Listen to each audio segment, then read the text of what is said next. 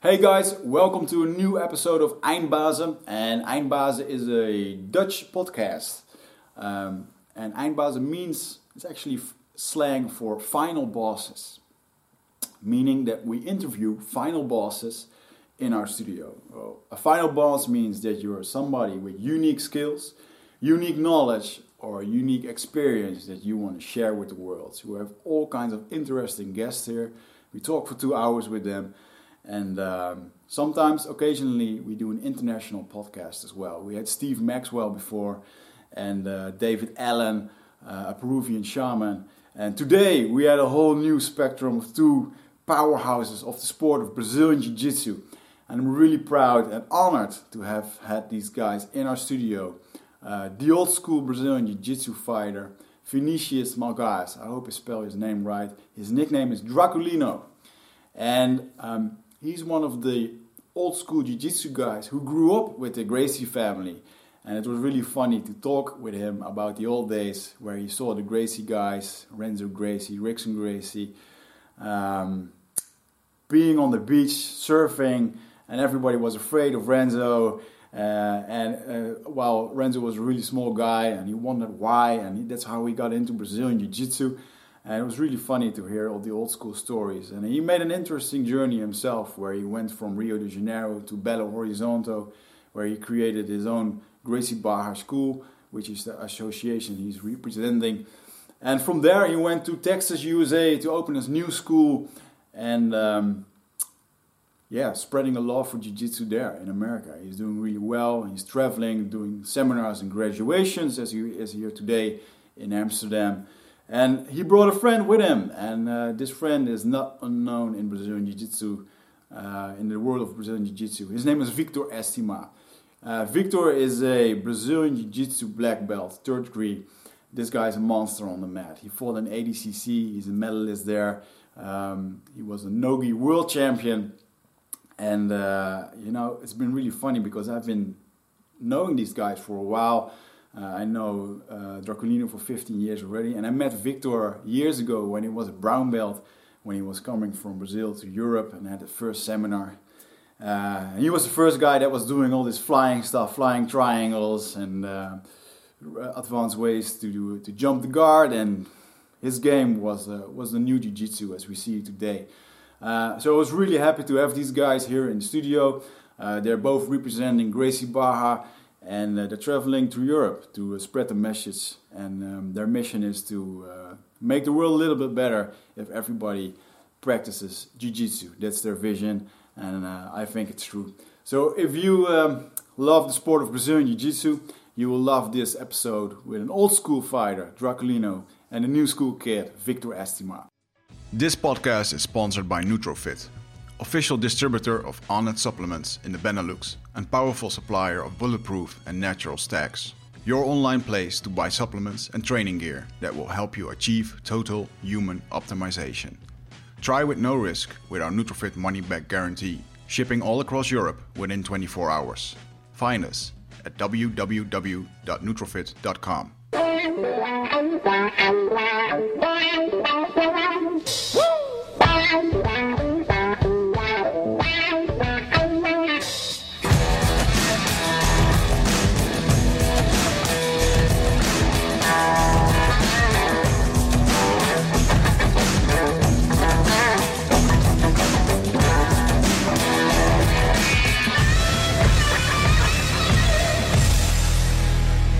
So, well, it's another international podcast today. Back once again in English. in our new studio. So um, I'm really honored today, man. Um, you know, we've both been uh, big fans and um practitioners of martial arts always.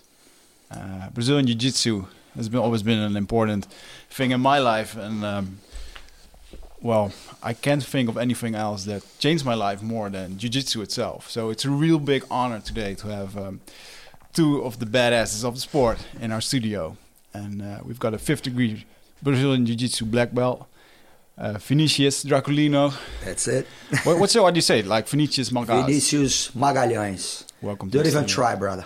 Dracu. I'm just going to throw it Draculino. That's good. And if your if your nickname is Draculino, you've done something bad. Yeah, we're gonna get into that because I'm very curious about the origin stories of that one. And uh, There's a lot of theories. I'm gonna tell you the whole truth. I, I promise you. All right.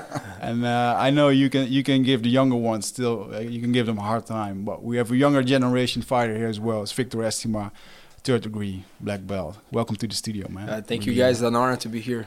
Really honored here. So, um, well, we're gonna talk about jiu-jitsu, and um, I think a lot of our listeners don't even know the ex- the exact things about jiu-jitsu and how it kind of disrupted the martial art industry. And when was it? 1993, when um, Yeah. Royce that was the, the I would call the world explosion. Yeah. You know. So So wh- what happened there was like we had the first uh, Ultimate Fighting Championships where we put people in a cage, style versus style, boxing versus wrestling, aikido versus judo, and basically it ended up with a 70 kilogram guy. What was uh, Royce Gracie? How, old, how old was he? It's I think he was in his late twenties, if I'm not mistaken, like around 28, 29, late 20s. something yeah. like that. Yeah, I'm I, I'm almost sure. and he kind of choked his way out during the like three opponents in one night and Yeah. did it pretty pretty much without using too much violence Yes. and uh, that is really what is uh, brazilian jiu-jitsu is all about so um, you know we have a lot of questions for you but what i really like to start out with is like you're the old school jiu-jitsu guy here you you grew up with the gracies right Yeah. you've been training with uh, uh, renzo and- Renzo, Ralph, Ryan. I mean, the, the, can I go on now? Yeah, go on, man. Go, Yeah, talk. yeah, yeah. go on.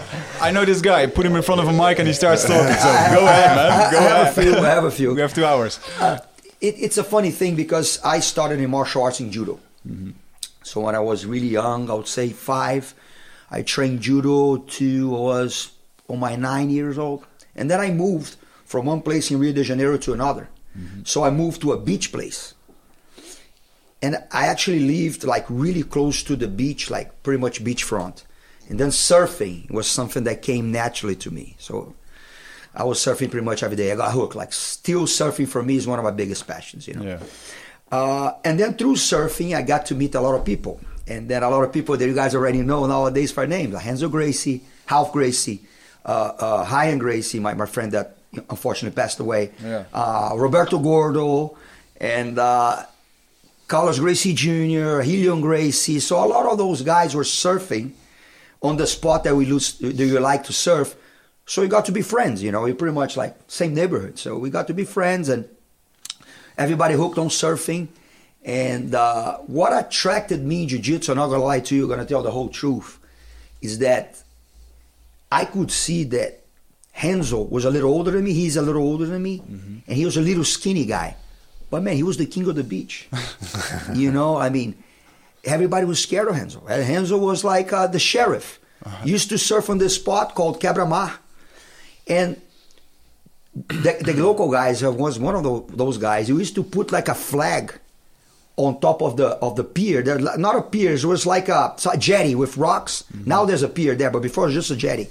And they put like a flag with like a big uh, skull, head skull, and that this flag was that on the end of the jetty. So to the left of the flags, only locals.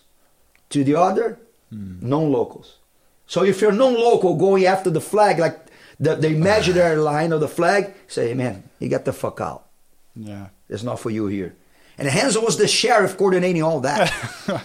but but it wasn't like like a thug thing. It was just like everybody on that crew. I mean, we were kind of like intense, and mm. there was a lot of fights. I'm not gonna lie.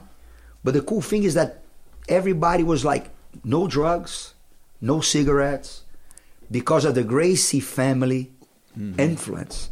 So everybody was intense, but not because of anything Yeah. related to drugs or drinks or anything. So that's the kind of environment that I was.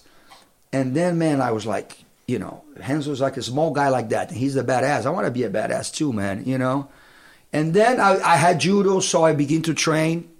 The first guy actually to teach me jiu-jitsu was uh, one of the locals there, one of the surfer locals, was like one of the badasses too, like big guy. Pitoko, his his name is Tochila Jordan. He's a six degree black belt nowadays.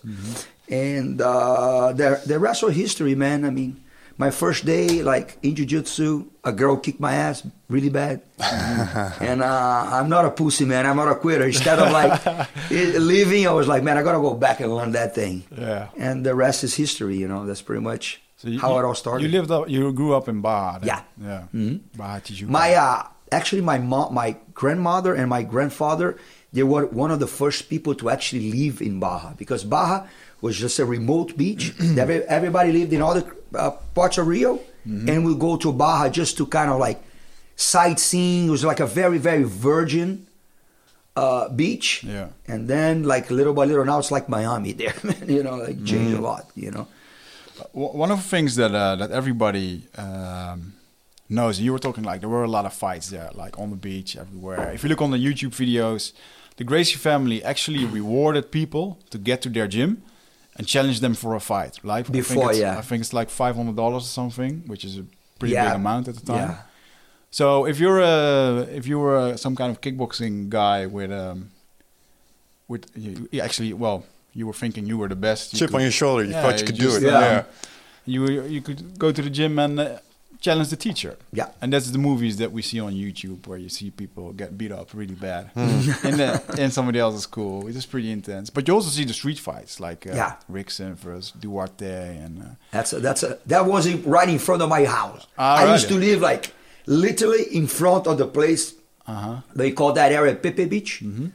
It was right there, but I wasn't there, unfortunately. And was it only uh, like gym feuds? Like, like you know, you were talking. It got intense on the beach. Was that just guys like you know, uh, one gym met another gym, and it was like this rivalry, or was there? I'm not gonna lie to you, man. Nowadays, everything is very civilized. All right, Uh, back back in the days, on the 80s, it was really primal. primal. You know, yeah. I mean, it's a touristic place now. It's pretty. It is now, yeah. But before, it used to be like the areas in Rio, it was naturally rivalry with other areas. So if you're from Barra, you're gonna probably naturally have a feud with the guys from Copacabana. Mm-hmm. There was already a more tribe. established place. So it was kind of like a, le- a very tribe thing. Uh, within the schools of jiu-jitsu, the biggest rivalry probably in history mm-hmm. was Gracie Barra versus Carlson Gracie. Mm-hmm. And I was like, right at the time when it was on its, its peak. You didn't see a lot of fights, like real fights, mm-hmm. but the rivalry in the match was huge. Like, I mean, Yeah. During you could, tournaments. like you could cut the air with the tension during the tournaments. You know, like when you're going against the Carlson guys, uh, our- our- like our teachers were like, "Man, you know, that's it. It's all you. Don't make me look bad." Go there and, and the same thing with the Carlson guys. So it would be like wars. That must have been a mat. great environment to learn jiu-jitsu in. because It's a pressure cooker. it, it was. I mean, because there was a lot of people like it is nowadays. The mentality was a little different. I mean, everything evolves in life, and jiu-jitsu is no different. But before, it was all about the law for your flag, hundred percent, and don't make your your your, your family uh, look bad. All right. Yeah. Yeah. So we trained like our asses to go there and do our best. And uh, even sometimes when you didn't win, the most important thing is to leave everything in there. One of the things that I learned from the Gracies and I still carry is that losing and winning, it, it's in the hands of God. But it's how you do, how you perform that tells you if you're a good or a bad guy. If you go there just to be there, oh, whatever, like tap fast or oh, you know, that's really bad. I mean, they they can't, they hate that, Yeah. and I hate that too. If you go there, nobody's obligating you to go. You go there and do your best. We, like I said, the result doesn't matter. You just leave everything in there. So that's probably, Yeah. yeah, you know, like old school mentality that I still, I still carry. You know. But I think the old school mentality is getting to the younger ones as well. Because um, next to you is Victor. You're from Recife, right? Which Yes. is the upper north of. Uh, Northeast of Brazil, yeah. All right. So how was it, how was it for um, grow, how was it for you growing up in Brazil and um, looking at the old school guys uh, setting up Brazilian Jiu-Jitsu in the world? Well, I have to say, for me, the, the, the start was slightly different than to what for Professor Draculino. You know, I lived completely away from the where the jiu-jitsu was being developed. Um, you know, in my school there, we had my, my professor who had a connection with Master Carlos, and he, he was bringing you know instructions. So we basically created our own tribe, if you know what I mean. And we didn't have as much access to to the techniques, to the level of jiu-jitsu that people in Rio had, but we had a lot in in hard work. You know, we worked so hard in everything we did. We had a very good. Um, uh, my professor was very good to bring the best out of every single student in the school. So everybody was tailored for competi- competition, and because we did, had a very difficult, no, not financial support, and in any competition we had to have was outside the, the state. So we basically made the, our whole life project to go to Rio de Janeiro once a year to the major tournament. And for me to at that time when I started, I, I didn't even have a black belt instructor. Yeah. You know, like, he was a purple belt. Uh, then Professor Zé Radiola Uh-huh. and that's when I started to connect in Rio de Janeiro. I uh, went to the first time, and I was inspired to see all those guys. You know, Professor Draculino. What year was this that you went up? Uh, my first time in Rio de Janeiro was 2002. 2002. When did you start training? Mm, 90, 89. 1989. 15 years old or so. Yeah. Yeah. Yeah, similar. Yeah. So so basically, when I was uh, coming to Rio, I they used to be like for us our idols. You know, Mm-hmm. when I see a black belt in front, so this guy is a black belt. It was the most special thing. yeah, yeah. for us. and and then I, I, I barely knew who was who. Yeah, I have a question about that because this was before the heydays of the internet. So, how did you guys know about all these professors, or was it already online a little? Like personally, I didn't know. No. I just knew the Gracies. Yeah. Because I was wondering about that, because at your time it was uh, Brazilian Jiu-Jitsu, and even in your time, was it? Uh, did everybody know about it? Because we think about Brazilian Jiu-Jitsu, everybody in Brazil must No, do no, no. Brazilian Jiu-Jitsu, but it, but it must be a niche, right? It was Rio de Janeiro. Just Rio de. Janeiro was the peak where the, the media was all around that, Mm. on uh, everything. The, it was word of mouth that was very strong. So that's how you learned about it. I learned about it from watching the UFC. All right. Royce Gracie fighting. Yes, I yes. used to get together as a kid watching with my brother, and then my brother started to do judo, and his friends started to find out about jiu-jitsu. So Braulio went to do a session, and he really enjoyed it. And then I heard for the first time about jiu-jitsu, and the thing that I was training there was the same thing I saw Royce Gracie doing. It's like, oh, that's interesting, but I still didn't get into it until a few years later. Right, right. And that, and then for me to know anything about techniques, that was like only directly to the school. Yeah. And and then only in a few years later, Gracie magazine started to be sold in my state because at that time, not even Gracie magazine existed. And that's why everything was all about training with my professor, uh, instructor at that time, and going to maybe Rio de Janeiro to once a year to learn some extra bits. Yeah. You know, I was very fortunate because my brother came in the generation before me. There was not many people before before him. He was the first solid guy, and he would still go. The, he was the best in the northeast of Brazil, and he used to go to Rio de Janeiro and lose in the first fight. So there was not much of a, a reference to us. It was really Yeah. hard. I, re- I remember him uh, telling that um, your brother is Braulio Estima. Yeah. And I had a few seminars um, with him and know him pretty well. He he told me like, uh, man, I, I went out with a few hundred bucks and buy my ticket and go out in Yeah. the first round and go back afterwards. And it uh, it really, I remembered that story when I went to the World Championships and lost, paying a three thousand dollar ticket, staying there Yeah. and all that. You know, you know, well, It as a competitor, you know it- it. it- And um, yeah, That's very, learn a lot very. This is very challenging, like especially like my brother and myself. You know, like my brother was already more developed in jiu-jitsu, so if any support came, was to him Yeah. because he was the bigger name. Everybody else still didn't have any support. You know, for me to be able to get to my first tournament outside Recife, Mm-hmm. I had to save two reais per day. My dad used to give him for lunch at school, and I saved that for like several months. Two reais is like uh, It's like uh, cents, I would say seventy cents. Seven Seven cents, cents yeah. per day, and I saved that. No food. Actually, sixty. yeah, and then for six months, even helping getting help from my friends who had a bit more money, and I get bites in the middle of you know, hey, can I try this? It looks good because I was hungry like crazy, but I couldn't eat, you know. Yeah. And so things like that. That's what I had to do to go to one time one time tournament, which is the World Championships That's in Rio de. Janeiro. So while you were training, you weren't even get, uh, getting proper nutrition because you couldn't At some afford it to get to the tournament. Of course, when I come Wow. home, I had my main meal, but Oh, you know, sure, I was yeah. there like struggling at no, in school, you know, like at holding like focus though. That kept me focused and wanting to be there. Every single day I thought about it. So that that kind of led me to to do to to follow the process. And having my brother inspiring me helped me Yeah. quite a lot. So, what are your chances of? Um, I don't know how to say this. Like, uh, what are your chances of having a proper, decent life, like the life you're living right now? Because you moved to the United States, Yes. you moved to England. Um, what were the chances if you didn't get into jiu-jitsu and just? Ah, you can never know. But um, what, what's the average? Uh, what, what are your friends doing? From, uh, Um, from, that's the that's the tricky bit. Like in Brazil, that's it's very challenging. It's all about who you know. It's all about uh, you know the opportunities that you have to actually get educated. You know, Yeah. to have like a you or you have to be very good at studies to get the the public sector like university, or you have to pay. Ah, yeah. So both ways are very very difficult. Yeah. And and then I- if I most people in Brazil, especially in my city, everybody has a degree. So having a degree does no longer get you any further. Wow, So it's, it comes eventually how really good you are, Yeah. if you really excel, or who you know. Some people very low qualified knows the right people and then get to places, Yeah. and people who are very uh, good at something maybe they have to be the best to be recognized.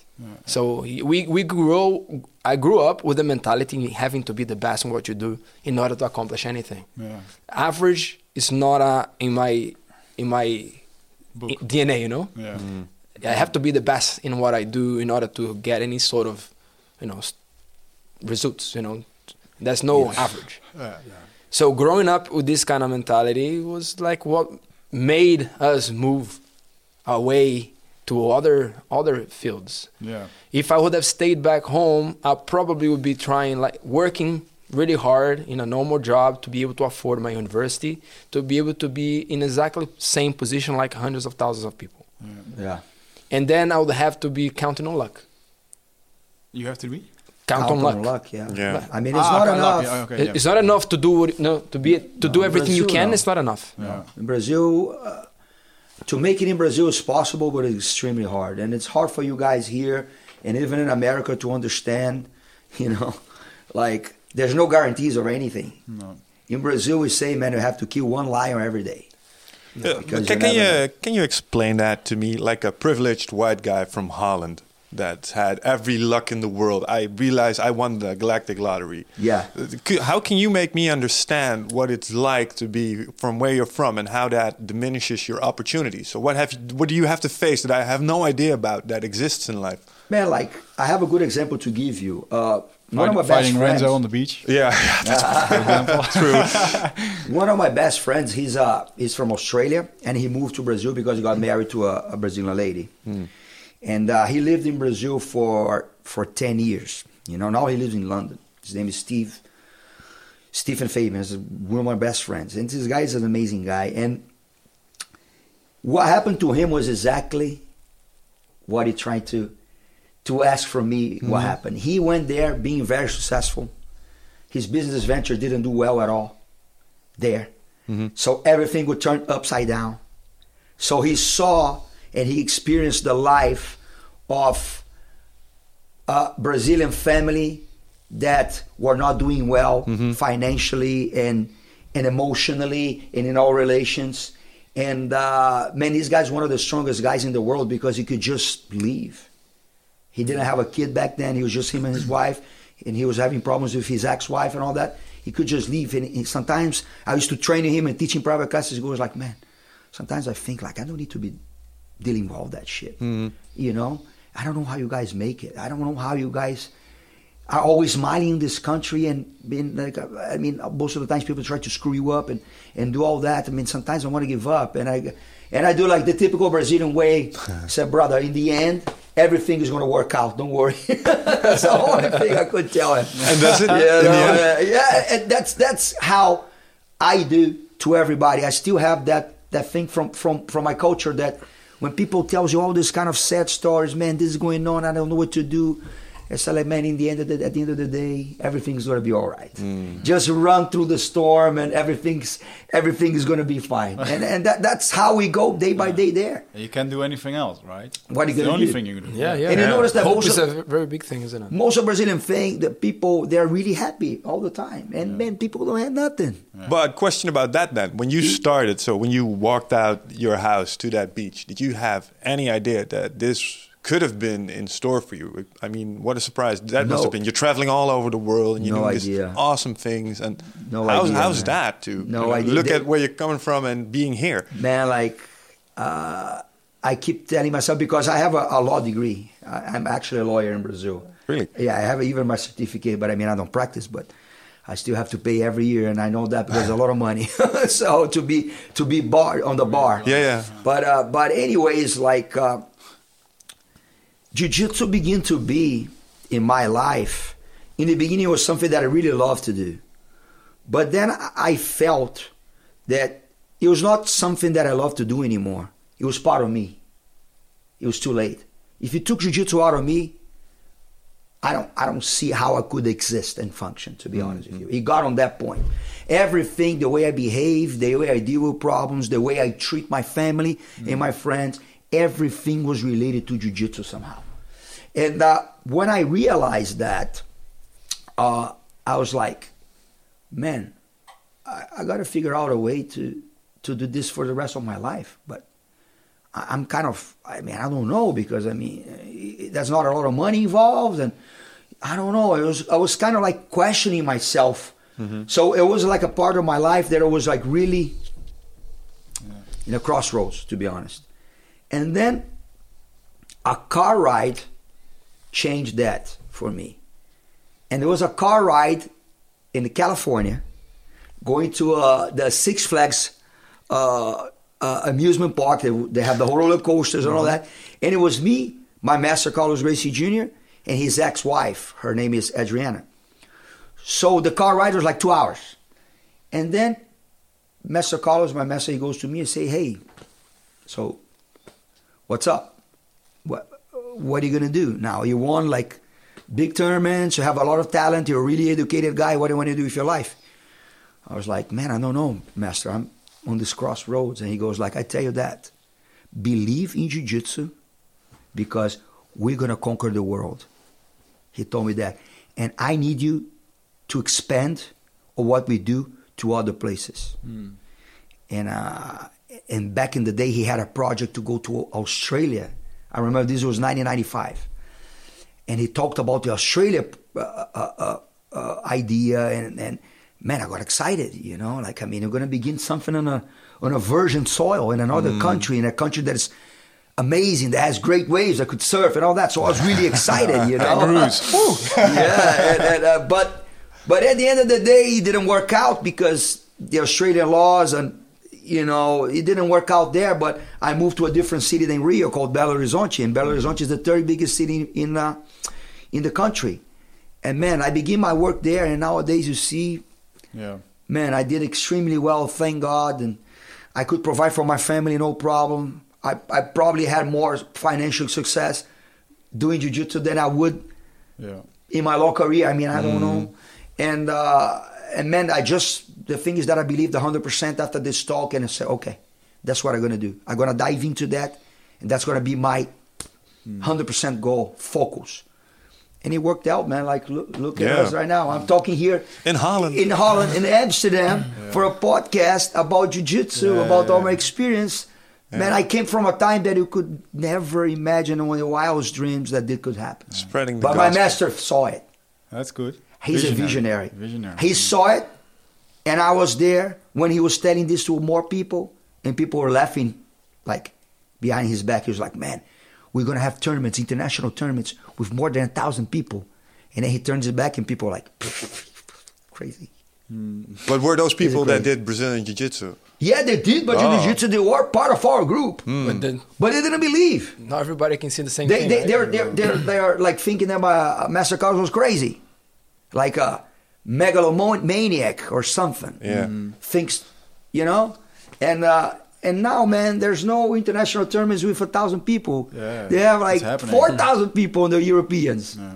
Yes. So you know, I mean, it's amazing, man. I'm I'm really blessed to be part of all that. I mean, I God is great, man. Seriously, I mean, my life is amazing. man. Shit, I mean, Uh, what's wonderful about it is that you're uh, not only touching people with a great sport. The way uh, uh, Wigert started the podcast is that Brazilian Jiu Jitsu was a big part of our life Yes. uh, growing up, but it did so much more for us than just teach us martial arts techniques. And I heard you say something very interesting about I am Jiu Jitsu and it transfers to all aspects of my life, like relationships or my sir. job. Could you tell a little bit more about that? And it, I'm wondering in the same vein if that is true for you. So I'm wondering how you guys look at that.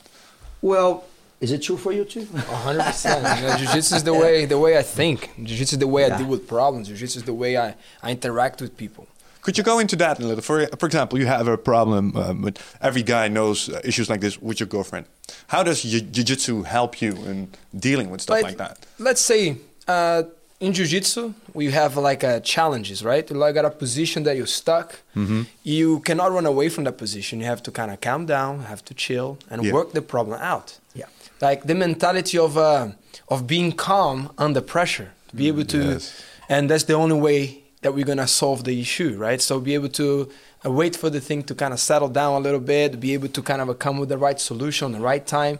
It comes with a, with a being comfortable in being under pressure and still Uh-huh. rationalize. And uh, this is something that I, I take a lot from jiu-jitsu, you know, like and how I'm gonna, you know, fix a technique, how I'm gonna play with the with the with the with the attacks, for example.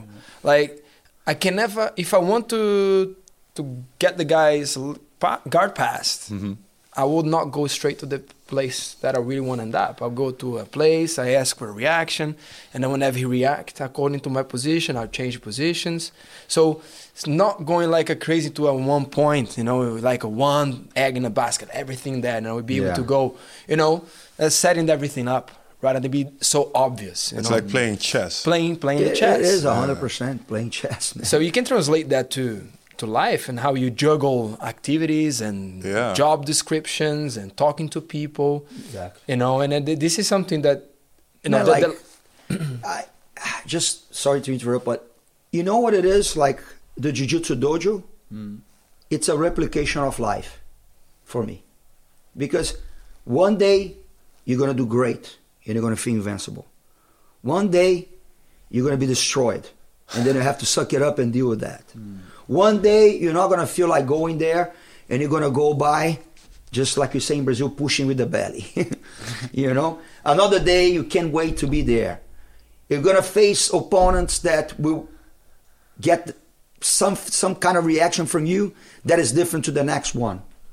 And more importantly, I think that translates to life is that the jiu-jitsu dojo, man, we inside the, those, those, those lines, everybody's the same. Mm-hmm. I never saw a bigger equalizer in my life than a jiu-jitsu dojo. Mm-hmm. Everybody who's in there, man, if you reach, if you're famous, if you're badass, doesn't matter. No. If you you're, if you're not the best technical guy, you're gonna tap to like to the nerd that used to bully in school before, Yeah. Yeah. and you have to take it as a man, because if you act like a jerk, you're gonna be beat up. Yeah, you know what I mean? So so Yeah. this teaches this guy what to be humble humble, to suck it up like a man and do what you need to do and accept that. And at the same time, the nerd, the social oppressed guy that was always like, you know, bullied and, and, and humiliated, this guy beats this badass bully and mm. gives this guy a boost of confidence that mm. changes a guy's life. Yeah. So it doesn't matter, man. This guy get this social oppressed guy that barely could get out of the room. This guy goes to a business meeting, or this guy goes to do a presentation in front of everybody. In his head, in his subconscious, he goes like, "Man, I can beat the beast, the biggest badass bully, man. This is so funny, man. This is not, this is not gonna be a, this is not gonna be hard for me. Come on, bring it on, audience. I'm ready." we can do it. it's it. really funny. We yeah. can do it. But but man, like if you think about it, that's how it translates. Yeah, yeah, yeah. Uh, it's funny. We were uh, recently we were at a uh, at a wood chopping uh, seminar. You know, like in the woods, wood chopping. Yeah. A lot, a lot of people, and we- we were just standing there. The guy was instructing us. and I was just thinking, like, like you, you scan everyone. You're like, oh, Yeah. Can probably take on everyone. I, I told him it was like it's really good to know, man. Everywhere you go, you can just beat the fuck out of everyone. but, but that but that is true a lot in a sense that the average guy is going to be very hard for an average guy to beat you up. Mm. This gives you more than confidence. I think I, I think this gives you peace of mind. It does, but at the same time, I always wonder why it does. I- I mean, why does it matter to me that if I'm sitting in a meeting and I'm having a hard time with the guy sitting in front of me, like, you know, uh, business wise, Yeah. and I go in the back of my mind, I could choke you the fuck out. and I'm like, oh, that feels good. I and now what- I'm now I'm all right again. What the hell is that? I know why. Because you're all animals, brother. yeah, it is, isn't it? At the end of the day, we're all It is. animals. At the end of the day, we all Primal. operate by si- by instincts. And what's the instinct? This is a survival instinct. Hmm. You know, it's it's the it's the the, the the the kind of like the survival of the fittest, whatever you want to call it. But the cool thing is that we human beings we, we can process all that. So we're not like a wild animal. So this gives you confidence to make sure that you can avoid the problem because there's no debate or no question. You know it. yeah. and this gives you peace of mind. But this is the cool thing about it. You um, know what I mean? That, that, that that's the whole I think that's the magic of the whole thing. That's where it is. That's what's it's at, I think. I think the whole difference is when you enter up uh, a jiu-jitsu gym, there's a natural hierarchy, right? Yeah. Yeah. The picking order. Like if you go to a, a soccer team, like I see other um, teams Yeah. doing sports, Huh? but they never fought each other. So there's True. a different vibe, right? Like Yeah, they're, they're playing games, they're kind of Yeah. uh, making fun of each other in a way that uh, is going different in, a, in a jiu-jitsu gym because you know who is the who you can, who you can do Who the top to. dog is, yeah. yeah. And and in, it's not just about you being the top go- dog and you're going to be the most respected. For, for example, I'm far to be on my prime. I, I mean, I'm about to be 46 years old with countless uh, uh, surgeries and injuries, and I mean, I, I don't, I don't, my body doesn't function the same as before. So there's a lot of people in the room that can kick my ass in jiu-jitsu. I know that. I mean, I'm always got to be a good training for everybody. This I know. But I mean, that's people who can kick my ass. But be, the, the, the, the jiu-jitsu thing is so cool that you kind of get the respect for what you are and for what you stand for. Mm-hmm. So people respect you even though they know they can kick your ass. Mm. You know what I mean? Because they go like, man, this guy walked the talk all his life. You know, and and man, my time is gonna come one day. I'm gonna get old too. and I mm. mean, and I wanna be like this guy. Mm-hmm. I wanna be respected like this guy because it's the next step kind of thing. Yeah, but I think that's the beauty of Brazilian Jiu Jitsu as well, because the guys you were talking about are all other black belts with Yes. extreme experience in Brazilian Jiu Jitsu as well.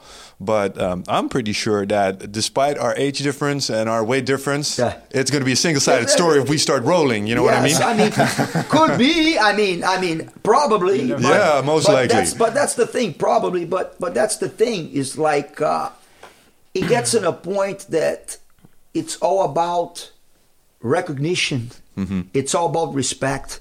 And that comes one of the best things in martial arts too, man. The loyalty, the respect, the the, the, the, the peace of mind and everything. So it's a mix between the primal instincts Mm-hmm. and a lot of philosophy.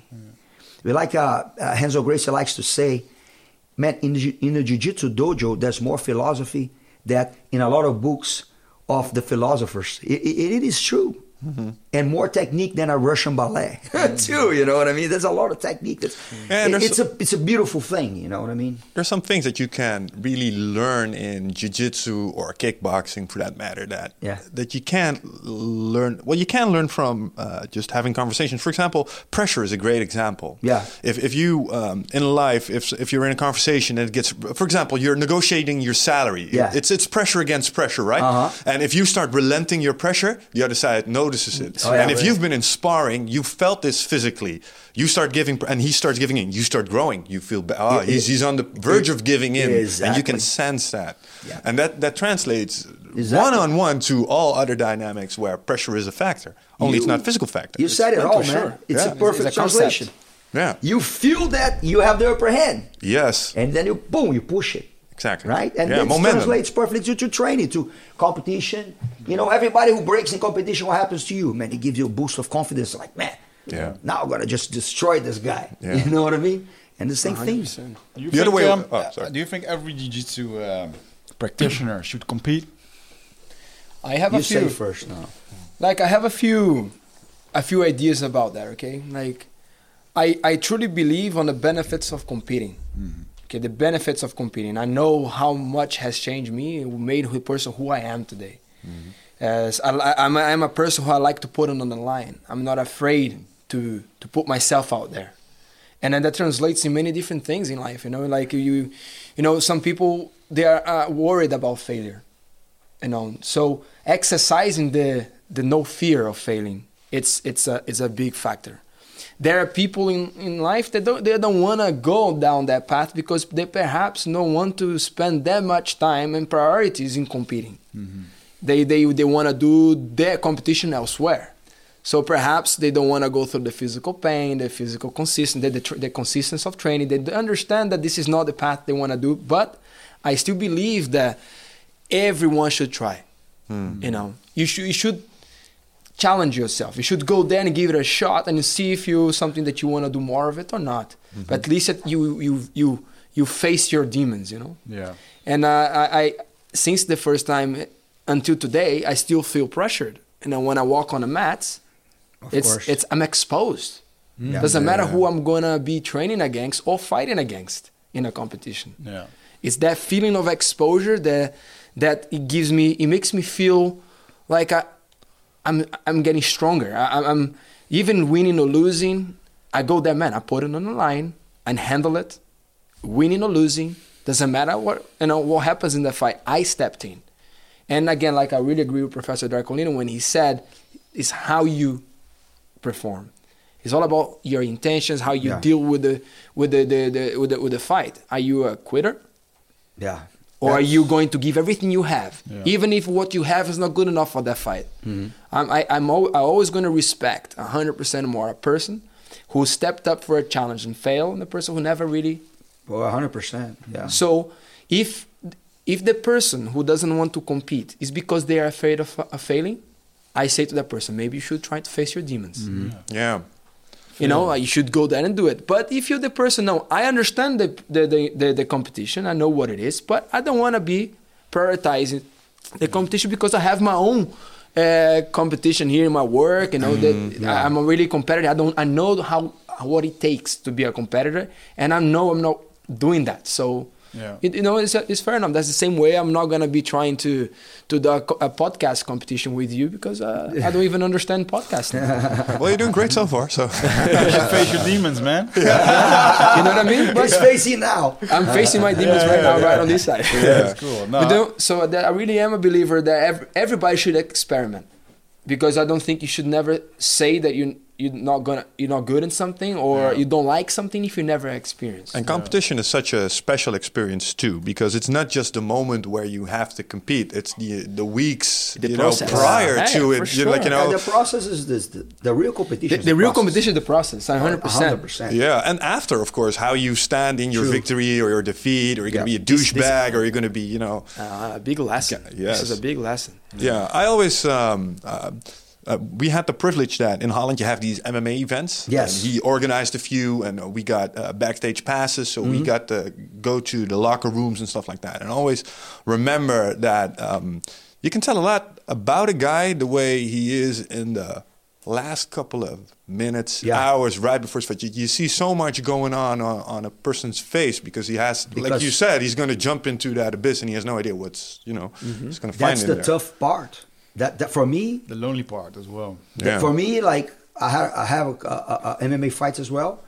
For me, the the, the the the the moments, I would say the hours before the fight, that's for sure the toughest moments of the fight. Doesn't matter how the the outcome of the fight, if you win, if you lose, if you get beat up, if you get hurt. Yeah. Trust me, all that happened to me. But it is not compared to to the hours before. You begin to think everybody, man, whoever says otherwise is lying. Mm-hmm. You you get scared. You feel fear. You feel doubt. You know, you feel pressure. All that goes through your mind and, there's nothing you can do about it. Mm. everybody who tells you, "Oh, I'm not scared, man. I fight anytime." For me, I don't feel nothing. He's either like Crazy. crazy, Yeah, like like not a normal person, or he's he's lying. How do Or Because- he's trying to set himself up for, Yeah. for something. He's trying to psychic himself. Do you guys know because who- that's not true. That's not true. Do you guys know who Bob Schrijber is? Dutch fight, Dutch MMA fighter. Bob? Bob Schrijber. Bob Terrible. Yes, I Bob remember like, Terrell, a, yeah. like a bald-headed guy. Yeah, the yeah. guy like He's he was a tough man. He was a fighter tough guy. he told us exactly the same and he, he told us about his process in those hours prior to the match he just put those thoughts into this little box and he stared at it and that was his way of dealing with it Mm-hmm. Do you guys have similar I stuff what uh, the way I did, the way I I- when I when I was to fight, the way I, I used to, to to to face all that, my fears and all that, is that like uh, I had a biggest fear than all that. My biggest fear is to to be a coward. My biggest fear was to be like a, like a pussy. That's my biggest fear. And I would rather die, fall dead, than look to my family or to my friends that that I was a pussy that I didn't even try. Hmm. I, I needed to go there and try so that I was thinking that I was ready to die there. I would rather die being doing what I preached, doing walking the talk. I would rather die doing that than be a coward. so what you did is you So it was my biggest fear. So it's like, man, I'd rather get beat up. I'd rather get, you know, they, they beat the shit out of me, whatever. This is nothing compared to be known as a coward, as a pussy. yeah you scared away the fear with the bigger fear That's it. basically yeah, that's Yeah, what I it's did. And it yeah, was- psychology, eh? I mean, I, what, I, I was going to MMA fight. seriously, I'm telling you. Very scared, but ready to die. that's good I, I, I, I swear to God. Sounds like I was like, Inoue. man, if I die here, I'm gonna die happy because I'm gonna die doing Yeah. what I'm supposed to do and deserve. You fought in Heat, Heat FC Brazil as well. I fought here, the whole uh, strike force. Staat Yeah. Vale I, I made, um, um, I made, Staat Vale Tudo? Yeah. Heat FC? Yeah. Yeah. made a No, pact. NFC was MMA It was. MMA because I made a pact with Eduardo Alonso. He, he, Ah. he did a, a- a Dutch production I of the show yeah, I fought. So I did it in Yeah, the yeah. Netherlands. It was Ah, really cool. that's what with, else. um, uh, Eduardo Alonso. He's That was now, a big um, show. Manager of uh, Maia, I think. Damian He's, Maia. yeah, he's manager of Damian Maia for Shogun Rua. Yeah. If I'm not mistaken, all those guys. Cool yeah. guy. So do you have Cool mind guy. tricks uh, regarding to... Uh, Go- I like. I have never competed in MMA, but uh, no, but you I- did a but lot, it- lot like, of tournaments. A lot Oh, of yeah. tournaments. I, I think I, I, I deal in a very simple way. Like, what's the worst thing that can happen in this match? Is it die? What's, Seriously. I didn't think that far. I'll be honest. seriously. I didn't think that far of death in the jiu-jitsu match. I didn't. I never even crossed my mind. But the, what's the worst thing that can happen to me in that fight, personally, was losing, getting tapped in the first ten seconds, the first beginning of the Uh-huh. fight. That's the worst scenario for me. Hmm. And I thought that it has happened before to many great athletes. It has happened to me prior to this tournament that I'm about to fight. Hmm. Nothing has changed. I'm still the man who I am. Yep. I'm still the same father. I'm the father. I'm the husband. Hmm. I'm the professor of my school. Nothing has changed. So I might as well go to this match giving the best out of myself That's it. if I'm going to tap or lose the fight, doesn't matter how it's going to lose, man, I'm going to do it in my best. If I'm mistaken, it's a honorable thing to do. Come back home, fix my mistakes, Yeah. and face it again. Mm-hmm. Quitting is not going to be an option. And I'm saying that I have trained, I have prepared myself to the best I could. If the guy beat me, He deserves, he deserves it. Yeah. Mm. But it's gonna get to be in my best, mm. and I'm gonna give hell to this guy to beat me. And I know if I give my best, I, I can win this fight. Yeah. So mm. I just take away all the fear of losing. I, I walk it with no fear, whatever. If you wanna beat me, beat me in my best. Let's go. I'm gonna give you my best from the beginning to the end, and usually, you know, You said it it, right. gets me in man. my At the end of the day, Yeah. Nothing's gonna change. Nothing's man. gonna change. The sun's Competition- gonna come Yeah. up as always. The- the thing your is that- family's still gonna love you. The, your friends still gonna love you. It's gonna be one more day. uh, uh, you know. And loses. Once, you, once you're in Everybody the loses, zone man. of competition, you know, training for weeks, and people don't understand this. Like, yeah, it's just a jiu-jitsu tournament in somewhere in Amsterdam, I- and you're training for it and twice a day, and you're going for it, and you're really living up to this moment. You're doing your diet, like your girlfriend's, Yeah. you know, you, basically, you know, you're not uh, approachable for a week. No. because of I don't know all kinds of reasons. You You're tired. Train, you're tired. Whatever. hurting. Yeah. And then you're on this mat, and all these things cross your mind, and either you win or you lose, and then at the end of the day, nobody gives a fuck, man. you know, At except for a few day, teammates no one and your trainer. does. Exactly. You know? So that's I, I made the competition so seem irrelevant, small. Yeah. What is the competition versus my life? Exactly. What, what I really stand for as a man? Nothing. Yeah. But I'm gonna give everything. I'm Mm. gonna train like really hard. I'm gonna do everything right.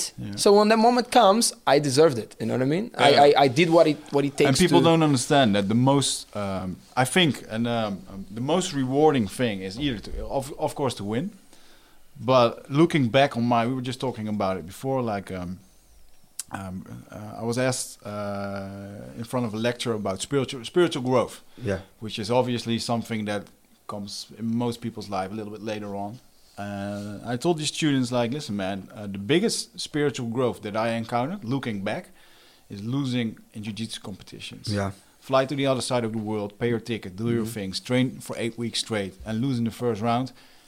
That, I will, have make, a- that I- will make you a man. You know. That Listen, educates you, I have man. a- that's for sure. I have a, a important, uh, uh, interesting uh, thing. You know, I, I ADCC 2011. Mm-hmm. That was my first opportunity to step in into ADCC tournament. But uh, for our listeners, this is the Abu Dhabi, Abu Dhabi. uh, competition, Yeah. which is organized by the um, what's the name of it? Uh, it's um, the Sheikh the Sheikh. of uh, Abu Dhabi, and uh, this is considered the Olympics of grappling. Yeah. So they, they so bring they got in all, the best. all the best grapplers, sorry, all the best grapplers, and they, they invite some, some qualify to go, and all that. yeah, and it- that's yeah. it. it's the most prestigious tournament in the world. Grappling tournament. grappling Yeah. tournament in the Yeah. world, Yeah. and and it was happening in my city where I live today. Um, I didn't know about this tournament, but I was prepared because I was helping my brother at that time, and so I He got was the fighting opportunity. Jacare, right? He was In the- fighting yeah. Jacare at that time. Yes, he was in really good shape. I was preparing, and I was you know doing the whole training program independently if I was going to fight or not, and I had to find out that I was going to fight. I had to cut down six kilos in about a week, and I did uh, everything right. You know, I did cut the weight, and I felt in the best shape. Uh, I, I, you know, in a long, long time, I was felt ready, and I won my first match, and my second match was with Marcelo Garcia, and uh, I got caught in a guillotine in the first thirty seconds. And uh, his his best move versus Yeah. uh, a sleeping moment of my game, where in training I was pretty tough. I was training like a, I was training with the top guys, and that was not easy. Yeah, I was able to in training excel against the the champions of the DCC, Yeah. and I was feeling like really good, and I tapped in 30 seconds. That I went on the trash on that day, but the thing I looked at, what gave me energy was, I saw other great fighters also getting tapped mm-hmm. early in the early stages. I realized mm-hmm. it's normal. Hang on a second. I just want another opportunity to show. Yeah. I just thought about the next match. I just I came home with a bag of ice cream because I was really hungry for a while and I wanted just to get some some steam. I frustrated myself and I came home. I put a spoon in my mouth. What am I doing? No, put it down. Next day, ADCC absolute, and I don't care. I'm gonna get into the absolute. And What's then I- ADCC absolute? the absolute It's- it's division. the The free- absolute free all, division. the, all, all the weights Free together. weights. Yeah, Free yeah, yeah, Doesn't matter weight. your weight. Yeah. Good So- luck. And then I thought, well, and then I fought, I fought the first fight with the guy who was in the final of the 99 kilos. You know, and I fought, like, his name is João Assis, and I had a really good war with him, and then I came out the winner. Yeah.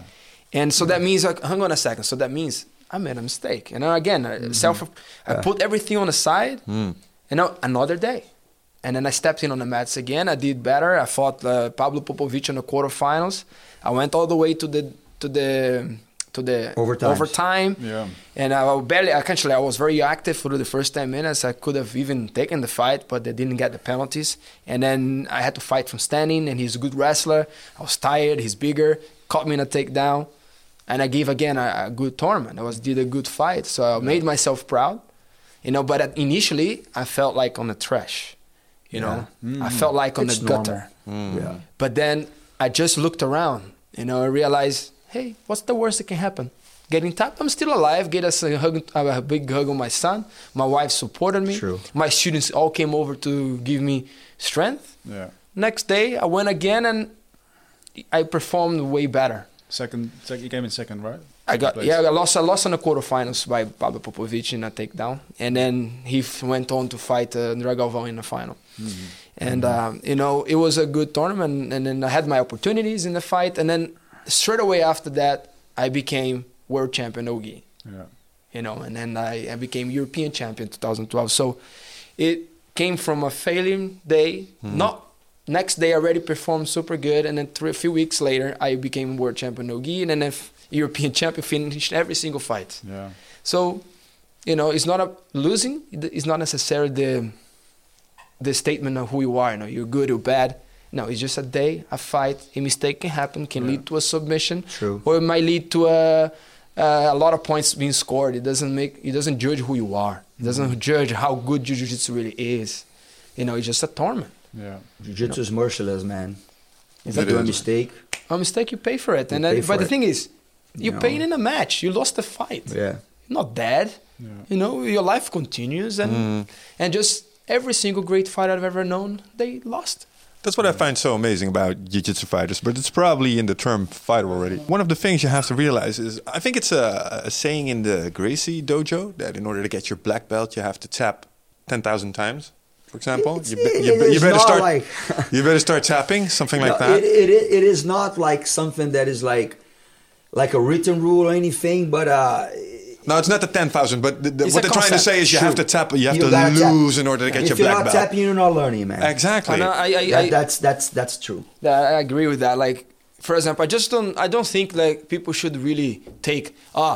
You tap ten thousand times. You No, you're you shouldn't know take what it I mean? literally, of course. It's the concept. It's Exactly. a concept. Yeah, the, yeah, the yes. concept Thank of uh, of uh, developing yourself comes from uh, putting yourself out there. Don't be afraid to tap because a lot of people they do that in training. Yeah. They they they like to live their like even from the beginning. Like let's say you're a blue belt and you you do you're doing all right. You know Yeah. you got a good guard pass, you got a good def, uh, good sweep, you got a good submission. But then every single time when the hits up of the moment the, the, the training gets heated up, you go back to that game. So if you never really experience other parts of your game or even being under pressure, you're gonna be always like uh, missing something. Yeah. Like let's say a guy with an amazing guard. When they start specific training side control, they get mounted and tapped every single time. So Yeah. what's the point having a great guard if, Yeah. if you don't know how to escape side control? Whenever one one thing fails, your whole game fails. You have to work on your weaknesses. Exactly. So how are you gonna work on your weakness if you're not willing to be compromised? Yeah. So we use this example a lot if we work with people uh, who are trying to work on their mind games. If you see people trying to progress in their career in an office, for example, they always have a hard time in failing. Yeah. Oh, I don't want to make any mistakes. And then we usually use this example to teach them, no, you have to make your mistakes in order in to order to progress. of progress. Yes, exactly. So let's you, you gotta you gotta go wider. You know, I I train myself putting my you know trying to develop games that I'm not necessarily good at.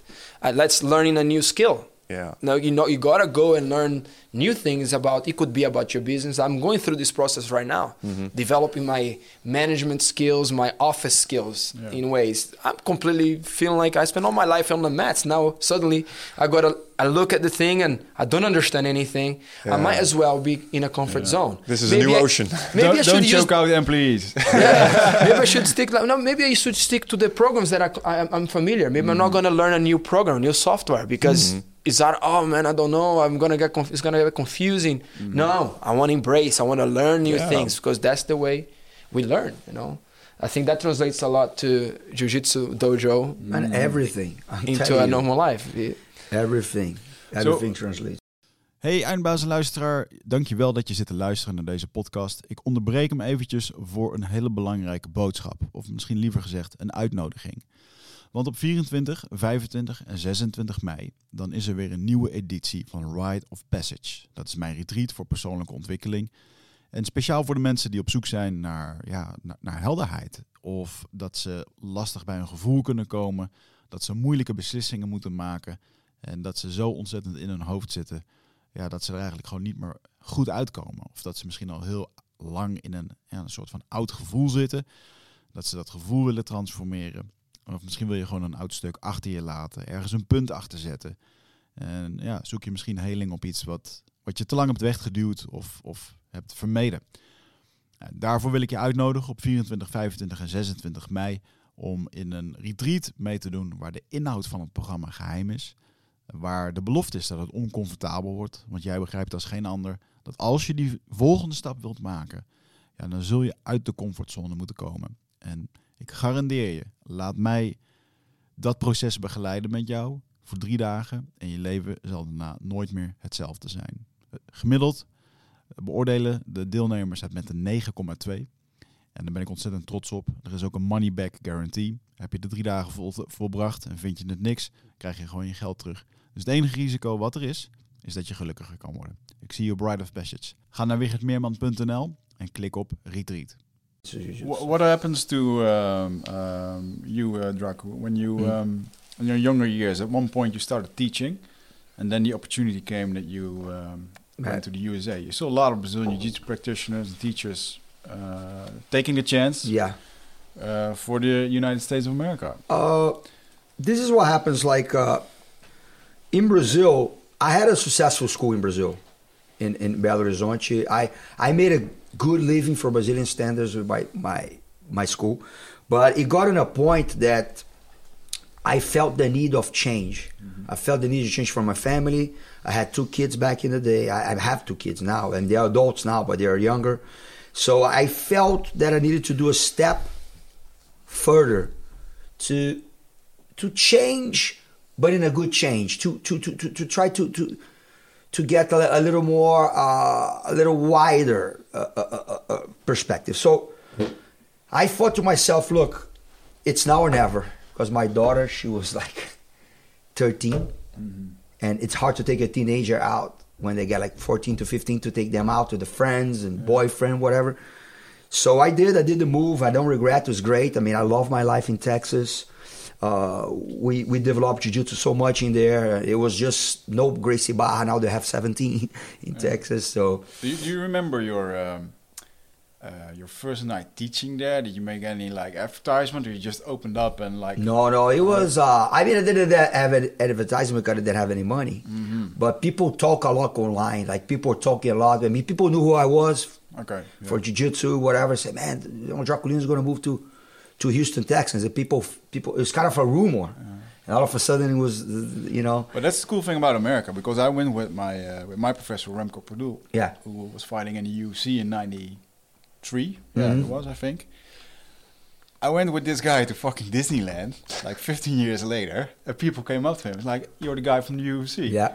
And you know that's America. They That's really America. embrace their uh, uh, their They sport do. heroes. and, They uh, they do, and uh, man, it's crazy nowadays with the social media and and about about information nowadays. Nowadays, we mm-hmm. have an overload of information, right? Man, like things I would never imagine. Like I'm walking in an airport or I'm walking, and people, hey, excuse me, are you Draculino? yeah, yeah, sure. Oh man, I'm, I really like your stuff, your videos. Can I take a picture? So, yeah, sure. po. It's like, man, that's, That's great. crazy. huh? to be walking in, a, in an airport and be stopped by a stranger. Man, it happens all the time. Yeah. Like all the time. Yeah, this is happening man. like a lot. And I was like, man, this is this is, this is very cool. So the, I think the American culture really embraces success stories. Mm-hmm. I mean, that, that's a cool thing about. I mean, uh, even if you win one day or lose, like in Brazil, man, when you lose, unfortunately, the culture's kind of like, oh man, he's gone. This guy is a, a It's the same over here in Holland. yeah, he's like, Yeah. ah, man, you know, forget about him. And then he win again, man, he's, the, The best. bandwagon is back. Yeah. Exactly, right? Yeah. But in America, no, man. In America, they when They're you're loyal. losing, they respect you. They still give you props. I That's a think the good thing, thing. the same in the UK. I think Yeah. that that's people respect the story rather Respect than the story. So that's a good rather thing. than just uh, you know how it just is in Brazil, right? It's, it's like Yeah, like, it's but really- it's like, really raw. Answering to your question, a lot of people will still will still migrate to the United States mm-hmm. Because man, the United States now living there for almost ten years, it is the country of opportunities. Hmm. Yeah. It's out there. Because of the people. So it's many out there. The, the, the, the, the system there embraces hard work, dedication. Whatever you choose to do, and you, you're hard worker, if you're honest, you're going to make it. You know, it's not like in Brazil that you can do the best that you can and maybe sometimes you don't make it. You know what I mm-hmm. mean? Mm-hmm. There in America, it's out for grabs, man. It's up to you. You know, mm-hmm. I'm seeing stories in America like one of my students, he's Vietnamese and he's a doctor and he, he's he's a very successful doctor. His family came to America. They're the last guys, the last persons to be in a helicopter leaving Saigon from the American embassy when the North Vietnamese, Vietnamese took Saigon. So they're literally the last people to leave in a helicopter from the American embassy to vanish from the country. So they went, they flew to, I don't know, like a nearby country, and then they're ref- political refugees. And uh, it was him, his brother, and his mom and dad. And they say, they, they told me the story, man. This is an amazing story. So, like, look, okay, we have three options for you guys. You can go to Canada, you can go to Brazil, or you guys can go to America. So you you got to choose now where you guys want to go. Both of these three countries, you guys can go as political refugees. And the mom said, like, you know what, guys, let's go to America because even the poor people they are fat. Yeah, that is true. That's that's why they true. said. So That that, is so they true. said. So she said, like, at least she's not gonna starve to death Yeah. You know? And then they went to america with pretty much just their church on the back. Nowadays his dad and mom they own like maybe three or four like parking parking spots in the biggest airports in houston. Hmm. They're really wealthy. And ah. and the son is a doctor that really does well too. Yeah. and all comes from hard work, man. Hmm. All come, all came from like embracing the American way and, and make it. So I mean, of course, people still gonna live to, move to America because America still have that kind of mentality, which is great. You know, How was it for you? You ended up in uh, Brazil because of Braulio was already invited by Mauricio Gomes. Yes, like my my my my situation was like living in Brazil as a teenager. You know, just finished the high school and already was a blue belt.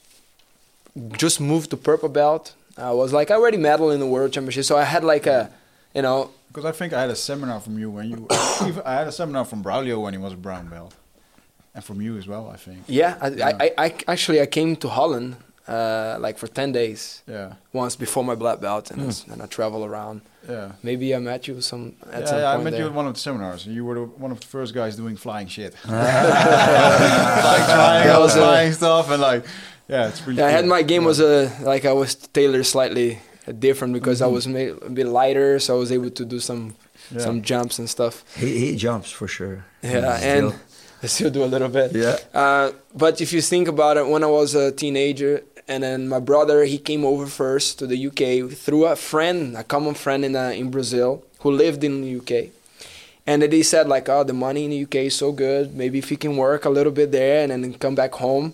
It was time seven times the our money back in Brazil, and he wanted to just to see what he can do in six months. And then before anything, he went to a jiu-jitsu school and met Mauricio Gomes. And then the opportunity appeared to start teaching in Birmingham. He applied uh, for his uh, documents and he got documents straight away and he started working there. And then he needed help because he was growing so much because with a lot of interest, but not enough people to teach. And I was a purple belt, 19 years old, and I came over uh, with this influence.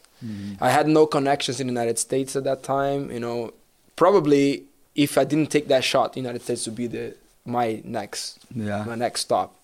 But I, I didn't know at that point. I just knew that I loved doing jiu-jitsu. Didn't know what I want to do with my life. Maybe I'm just gonna give it a shot. Spend six months in the UK, learning some English, and the minimum I'm gonna have is just some experience. And I realized, oh man, maybe jiu-jitsu will do. My brother I saw my brother teaching classes, and you could earn a decent amount of money, you know, by doing the hourly work, and and then maybe one hour work in the UK would be the same as a minimum salary in Brazil. Yeah. And then I just did jiu-jitsu for, for free, you know. I, I would do it even for no money. Just don't, don't eat in the mics because our listeners. No, no, no. You can eat. Put the mic away a little bit. Sorry, guys. Otherwise, gonna be there now, now. And so it was like that really tricky situation. And so when I went to the UK, I really enjoyed that living from jiu-jitsu would be a possibility. And I mm. fell in love with the idea because for me it was not like working; it was just like having fun. And if I could maybe live and pay my bills one day with jiu-jitsu, that's what I was gonna do. yeah. So that's when I decided to, uh, on that day, to kind of uh, make my move. And because the connection we had was in the UK, we made friends and and we g- created our roots. And then the references started to become, you know, jiu-jitsu related for the years that came after that that we were doing and organizing events. And I became like uh, I got my, I got hired and everything started to become like a proper. Yeah. And by that time, in 2007, uh, I was already there established with my brother's school was already established. we, we organized events like the British Open, which is like the biggest tournament in the UK, and still is today. Like over a thousand people people competing. Started with 150, so it, it's it is like a, an amazing thing because I, most people go to the United States because of the land of opportunities. But I think there is opportunity in many in, in many different places. I was really surprised by it because um, you know the European Jiu-Jitsu, of the Brazilian Jiu-Jitsu got brought to Europe by my trainer Remco. Yeah. Uh, like in, uh, Can never forget that, man. He was the OG. 1996. Yeah, yeah, yeah. Yes. Like he, and he, I wasn't training at him at the time because I'm the I'm the second generation, I think, or third generation that started training with Remco. But um, like we're doing seminars, you know, bringing people over, driving to every country, doing competitions and stuff. And I saw the the progress in the UK at one point, and it just took over. It's just a lot of people got into it. A lot of good competition fighters, a lot of Brazilians opening schools there. And I was really surprised by uh, by England. Can you say England is dominating Brazilian Jiu-Jitsu in Europe? I I can tell I can for sure tell that in the UK we have the most uh, Medals. M- uh, the medalists per, perhaps the the volume of medals I'm not sure it can be like as something I can actually answer but I can say that the most uh, amount of schools Yeah, that's that's the sure. most amount of students of tournaments uh, the, the the whole jiu-jitsu uh, community we have like brands of you know all the the the, the, the jiu-jitsu development uh, merchandise everything comes more in the UK because uh, of the amount of uh, main main black belts professors that went there to to develop you know like Roger Gracie Lagarto Braulio. I went on there myself. And we all people who competed internationally. And then it created like a lot of attention on this on the, the region. And then that the development started to come from there. So you see like countries like uh, netherlands which has always had jiu-jitsu you know and then and then that also added into the the, the good connection between UK and the Netherlands there was like a big crossover between myself Braulio Yeah. and many other athletes. And then also the, the, the rest of Europe we started to feel these influences. Everybody traveled to Brazil and it- that, that, that started to, to exchange a lot of uh, information. I think the whole continent developed. But because of the concentrations of international known black belts in the UK he created enough attention to do to to create like uh, to, to create the hype in, in the UK Yeah, I think uh, Eastern Europe is now coming up. yes 100% they are very Yeah, I'm- huge I'm, pretty glad that I don't compete too much anymore. because those guys, man, animals, you know. Man, I uh, I was in Uh, Poland. in Uh, Poland. Ah, I was just week- thinking that Polish It's like, yeah, monsters, Polish man. Yeah. belts, just, Man, like- you know, Oh, yeah, that's horrible. Like, like- What is it with these guys? What's in the water over there? Why are these guys so Man, tho- incredibly those strong? like They just like to fight. I'm telling they like to fight. They're tough. They're tough people. But you know what's cool there, man? I go there for. I've been there like twelve times actually, and uh, I coordinate a big team there. You know, it's huge, and uh, man, like those guys are tough as nails, but they have like the kindest hearts, man. Yeah. They are. They're very it's, nice it's people. super Yeah. cool because man, like you see those guys with the ears like that, then Yeah. like this, "Ooh." but man, they're the nicest guys and very respectful. Man, I love that country, and and perhaps is one of the biggest, uh, uh, uh, you know, countries in jiu-jitsu now. huh? I, I think that they, they, they are like uh, has It's the I huge think they have the the I think the one of the biggest uh, high level competitors in in Europe. How are they in? They Tr- the smallest amount of competitors at the Europeans this year, but the most prizes. The That- most that's prizes. probably that's right. What, that's what I can t- totally say that. how are they in sparring over there in Poland? Because we had an experience with a Polish guy when we were sparring and training. This guy was we were working together, and all of a sudden we saw a guy flying through the room, and it was this one Polish guy. He was a wrestler, and he suplexed this guy just in the middle of sparring. We were like, "What the fuck are you doing? You can just throw people like that." we were just doing free sparring, free rolling, and we had this. Uh, what's his name again? well, he was one of those typical Polish guys you described. Yeah, but like and stuff, and he- not in a mean way. Just it's just how But it is, big, right? That's big, how it strong is. Was a game. Yeah, It was I a mean, game. I, I just like, man, uh, that's what we do. I mean, I'm sorry, but But it was, it was a funny thing. Like he was, um, he couldn't really speak Dutch, so he was just like, "Yeah, I want to train, I want to train." And it's like, "Did you train anything?" No, no. I, and he, just, he just didn't understand. And then at one point, he just he suplex suplex another uh, recreational training guy. oh my Of god, 120 kilograms, and he just grabs him and, and he suplexes him up to the air. And Slam him like, into the slam into the mat. Everyone is like, "What the I think, I think, I think for them, it's just how it is. That's Yeah. how it is it for is, them. But they, it's not doing it's That's not, how they are? yeah, it's not like you will. It's just, man. I mean, It's the environment. That's how I'm supposed to do, right? Kind Yeah. of like, like this. Yeah, that's what's Strange. supposed to do. It's not what's supposed to do. Like No. they don't understand that because that's the environment they are creating the, the, the training. But I have a lot of Polish students, Mm. and they are naturally physical. They're naturally strong, and Tough they- people, man. And then for them, they they I think it's something to do with the culture because they don't accept like the, the techniques. They, they leave, oh yeah, yeah, technique, but They wanna Yeah, fight. yeah, they wanna they wanna fight. You know, so they have like in their back of their minds that being strong it what it's what matters. They think raw power trumps technique. Yeah. Yeah. They, They naturally still- believe in this. But those ones who are more willing to learn the technique and they mix with the power, those are the guys who That's really aspire. dangerous. Well, it's a really masculine culture as well. You know, Yeah. like just Yeah, like I, I'm married to a Polish Polish wife, so I I've been around Does she suplex you as well? every day, every day. She's taller than him, man. She can probably, you know. you know, like I, I, I really.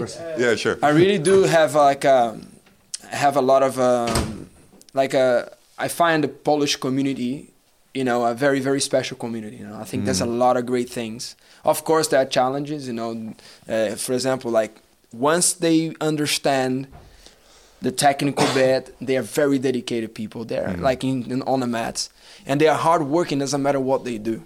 You know, they are like, you know, like my my my father-in-law, for example. Man, the mm-hmm. guy know how to do everything. Yeah. He knows how to do literally everything. He knows everything in the house. He can fix his own car. Yeah, I was just He- thinking about that. I can't do that. I can't do anything. And those guys, they literally, they know, they learn how to. They're very clever. They're very hardworking. They, you, you, I never see a guy like a, a Polish guy saying, "Ah, no, No, not it's, today. I don't not, feel like it. It's not lazy. It's No. it's very you know. Yeah, there's a lot to learn from this this mentality. You Mm. know, I, I think they're they're pretty special people. That's why I think if they jiu-jitsu develops more in that in that area, they will even get more success. But I still think that the, uh, in general, there's very power Yeah. orientated fighters. must be hard to teach seminars there because you always have to sort of prove the whole technique trumps power bit. It is, it is a little bit like that. Yeah. But that is a there are places that when people ha- knows you, they they kind of comes with more of Yeah. a learning mentality, Understanding, yeah, understanding mentality. yeah. If if you go to a place that they don't really know much about jiu-jitsu, they kind of uh, will question everything you say, Hmm. or they question your your level as a as an instructor. Who are you to come and teach me? You know that kind of mentality. And uh, but most places I've been, they have a completely different mentality. You know, they, they come over, they, they already understand. You know, we already proved on the mats, not necessarily I on, think on, that- a, on, a, on a seminar. Yeah. So the attitude can be changed. But having said that, I have experienced some really. Still? Uh, a few years ago, I had to kind of uh, physical handle some some guys because they were trying to be challenging. You know, like uh, in even while doing techniques, like you share. Imagine I'm t- teaching, and this day, uh, I had like a spasm in my back. I was actually a bit injured from training heavy with my brother, and uh, I was, hey guys, I'm you know I'm a little bit injured. I have a spasm in my back. I can't do very well, so I will do my best here to be with you guys. You know, and then during the techniques, I was just showing the guy. I wanted to teach him how to get out of a guillotine. Yeah, and this guy, and then I did the guillotine on him, and I no, no, turn your head this way, put the position this way, And then halfway through, he got out of the guillotine I was doing. He picked me up into a takedown, throwing me on the ground. Great. Awkward. And I was like, dude, I just told everyone that I had a I bad a back. He maybe didn't understand my language, Maybe. maybe, but he went, got out of the guillotine, like I, I was almost like fighting me, and he picked me up to drop me on the floor, and I, you know, magically hooked myself into his legs, and I hang on on his neck. So whenever he dropped me, I was attached to his neck. Yeah. And then I had to kind of uh, make a, a, a tighter choke, you know.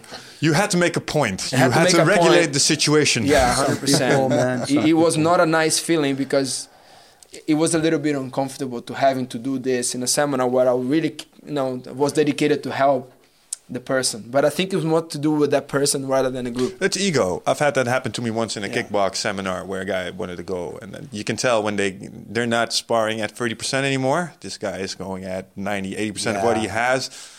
When I was younger, I would just roll with that. Nowadays, Yeah. I just stop the dynamic. I'm like, this is not all right. But I completely Yeah. get where you're coming from. Sometimes that just has to happen. And it's so funny. You come there to learn, and something in this guy's ego or machismo probably acts up. He's like, he's a black belt. He's better than me. This is my opportunity to show the rest Yeah, what it's exactly. going. I think, it's there's more that. to do with that. Yeah. Well, For it's the same guy who injures everyone, right? Yeah. Uh, you have to watch out to this guy because he can twist your ankle and he gets a chance. You know. It's- Every gym has one of these guys. Yeah, there's always oh, people. Oh, yeah. I think it's related to personality rather than like where you come from. I feel yeah. That's this is like it's a world phenomenon, man. It's not gonna be only one country or the other. There's Yeah. always Gonna gonna, be be. always- And if you're listening to this and you're going, I don't have a guy like that at my gym. So you're look- probably look that guy. them. Yeah. Yep, but- but from you. that's true. That's that, that, that's a good one. So um, I wanna. You guys are now in, uh, in Europe. You're doing a tour, uh, Draco, Yes. to uh, to Europe. Uh, you brought Victor with you. And uh, what is the what is the big vision for uh, for Gracie Barra and the sport in Europe? Uh, What's the mission at the moment? man, like Gracie Barra is already the biggest jiu-jitsu organization in history, in the history of the art, and uh, it's growing exponentially. Now it's a matter of trying to, number one, educate everybody who's part of the team. Number two, organize, and number three, conquer. I would say, right? Because uh, we have in our hands something huge, something again that my master Carlos Gracie Jr. visualized long time ago. He visualized that big organization, you know, being kind of pretty much synonym of jiu-jitsu, you know, in the world. So uh, it's now a matter of uh, us to to tell people here in in uh, in Europe about what is the vision, what exactly we mean, what exactly Gracie Barra stands for and means. This is the vision. This is how things are working. This is stories of success. When people get that and believe that, It's that's like great. It's changing everything. It, it changes everything. And then it's time for them. Okay, man, I I, I love the vision. I want to embrace the vision. So share a little bit about that vision. What is the vision of The, the Gracie Barra? vision, the vision is that jiu-jitsu can be a tool. I genuinely think about that. I believe this with all my heart. That jiu-jitsu it can be a tool to make the world better. I think if, if everybody trained jiu-jitsu, I think we're gonna have a more tolerant world, a more healthier wor- world, like uh, a braver, in a good way world. World. I think that everybody can benefit. Doesn't matter who you are, you can benefit from jiu-jitsu training. I mean, martial arts are great. All martial arts are great. I'm saying jiu-jitsu because that's what I do. But I mean, let's let's say martial arts. Uh, I think that through the, the, the, the, the correct philosophical training, the correct method, the correct way to expose jiu-jitsu, we can make a better world for sure. And in order to make a better world, more people had to be exposed to jiu-jitsu. You see that back in the day, only the tough, the the, the, the brave, the, the, the, the, really like uh, uh, tough-minded fighter guy was doing jiu-jitsu. Man, nowadays we have all kinds of people. Man, I have my gym in, in Texas. I have everybody. I, I, you you can name it like the older guy, the older lady, uh, the the young kid, the four year old kid, uh, the autistic kid. You know, Disabled kid. the the the, Disabled the, the, the lady that got, you know, the lady that got like before raped and almost committed suicide. She's there. So everybody, I have like in, in, in Texas now, I have like a mini world in my gym versus he was a little bit in Brazil, like the toughest guys. Mm-hmm. So I have everything in that. I have toughest guys too. I have like two UFC fighters that train with me in my gym. Yeah. Where you have Rafael Sap- Sapo, right? Rafael, uh, he lives in Belo Horizonte. eh, no, he lives in uh, New York. He teaches at Renzo Gracie's, but he comes to me before the fights to do his camps. I have Juliana Lima. Her name is Ju Thai. She's one of the female fighters, and I have another kid that is coming up in UFC now, a 125 kid that did all his training with me, and I'm really proud of the kid, Cool. Robert Sanchez. So he's he's about to go like soon, you know. About to go So. Then- yeah, So like going back to the mentality uh, of uh, the vision and what it is that Gracie Barra stands for is like again we know the benefits of jiu-jitsu and we want to make sure that we can pass it on and more people can experience that and live their own version of the benefits of jiu-jitsu and uh, in, o- in order to reach more people we need to have uh, the right environment that's right. it's not any environment that you can can be suitable for everyone. So we basically are organizing ourselves to explain and to share the idea. In order to conquer this vision, you need to have a suitable environment. You're making it more accessible Uh, for more everybody, open to the world, like you described. I a hundred percent. But let let's make it clear. We're making more accessible, but we're not softening it. No, no. That doesn't mean that we are kind of like sell out. Garden jiu-jitsu. No, No, No, exactly. uh, we're, we're not selling out in the sense that man, we're gonna, we're gonna make the training really light, just like like cardio style kind of thing. No, not at that's all. not the That's point at not all. the case. Otherwise, the, training- benefits will be right. Yeah, exactly. The training is still tough. The, the training is still technical. The training is still like he always was. But we divide. We have programs. We have different classes. Mm-hmm. We have uh, uh, uh, the, the, the dojo rules that everybody needs to follow. It's not going to be like a fight club.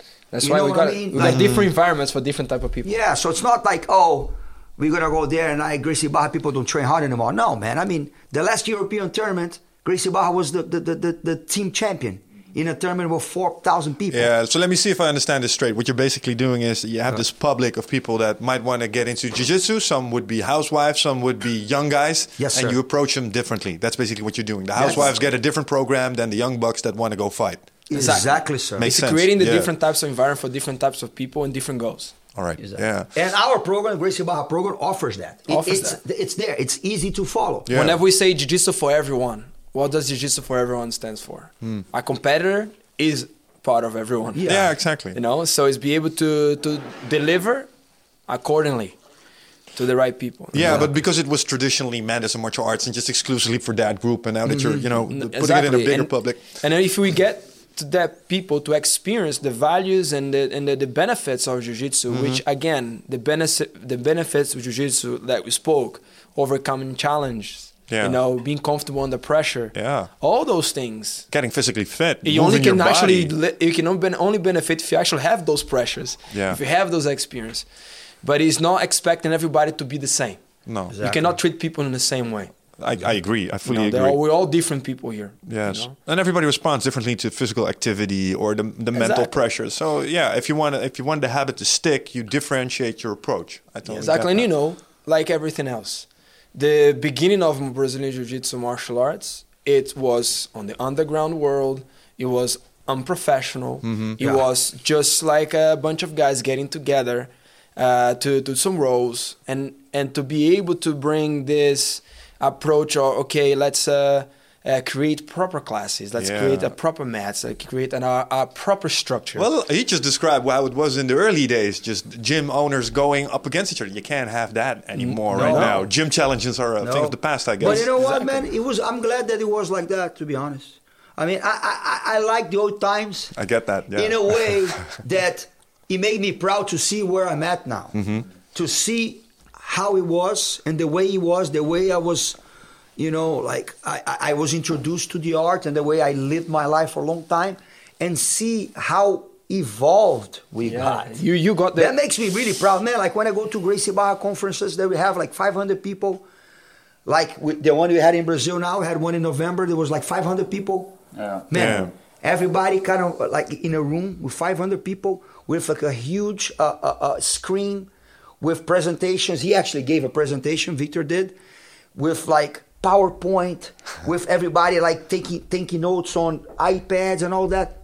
Man, I look at all that. I was like, Imagine- Dang. If you remember look what where it you think where you came from, yeah, yeah. man, that is pretty cool. you But I think- I'm really proud of that. I think that was necessary as well, though. Like, just like the UFC had those yeah, early yeah. days where it was really tough. Exactly. Uh, the Brazilian Jiu-Jitsu needed that as well to show everybody the stuff really works. It works. Yeah. Uh, Every every everything has you know their own like every history. It needs the stages, you know, Yeah. the, the, the primal, you know, we're going to do and now modern, you know, it, it goes through the process. And again, I always believe that my dad taught me one day, you know, like an intelligent, intelligent person learn from their own mistakes. Yeah. A wise man, a wise person learns from the mistake of the other person. yeah. You know, so in essence, I'm more an intelligent guy then. no, I was just I was just describing my my point of view Yeah. is yeah. I didn't live this. yeah, yeah, true. Professor Draculino did live Yeah. that, and I learned from the good things and the, and learn from the, bad things that could have been improved, yeah. That happened on that time. So my generation, we didn't have to do that. Yeah. Mm-hmm.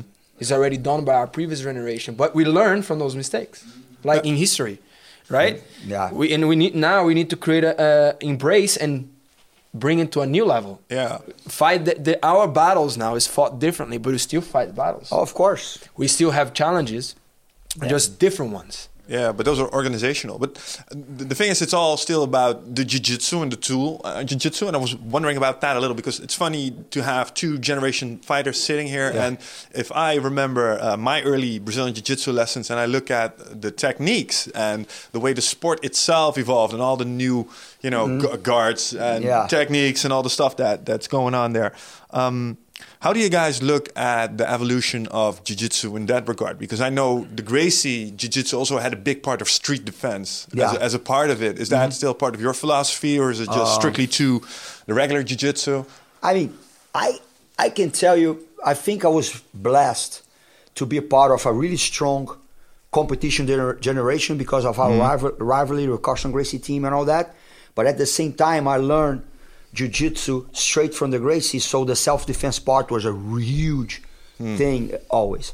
So uh, I I always taught in my schools, and I still teach the, the, the, the fundamental jiu-jitsu, which is pretty much based on self-defense awareness. What is fundamental jiu-jitsu? Is jiu-jitsu against a guy who doesn't know jiu-jitsu. A regular aggressor. This is basic jiu-jitsu. What's basic jiu-jitsu? It's you fighting against a guy who doesn't understand jiu-jitsu. The guy that you mount him, he's going to try to push you off. Yeah.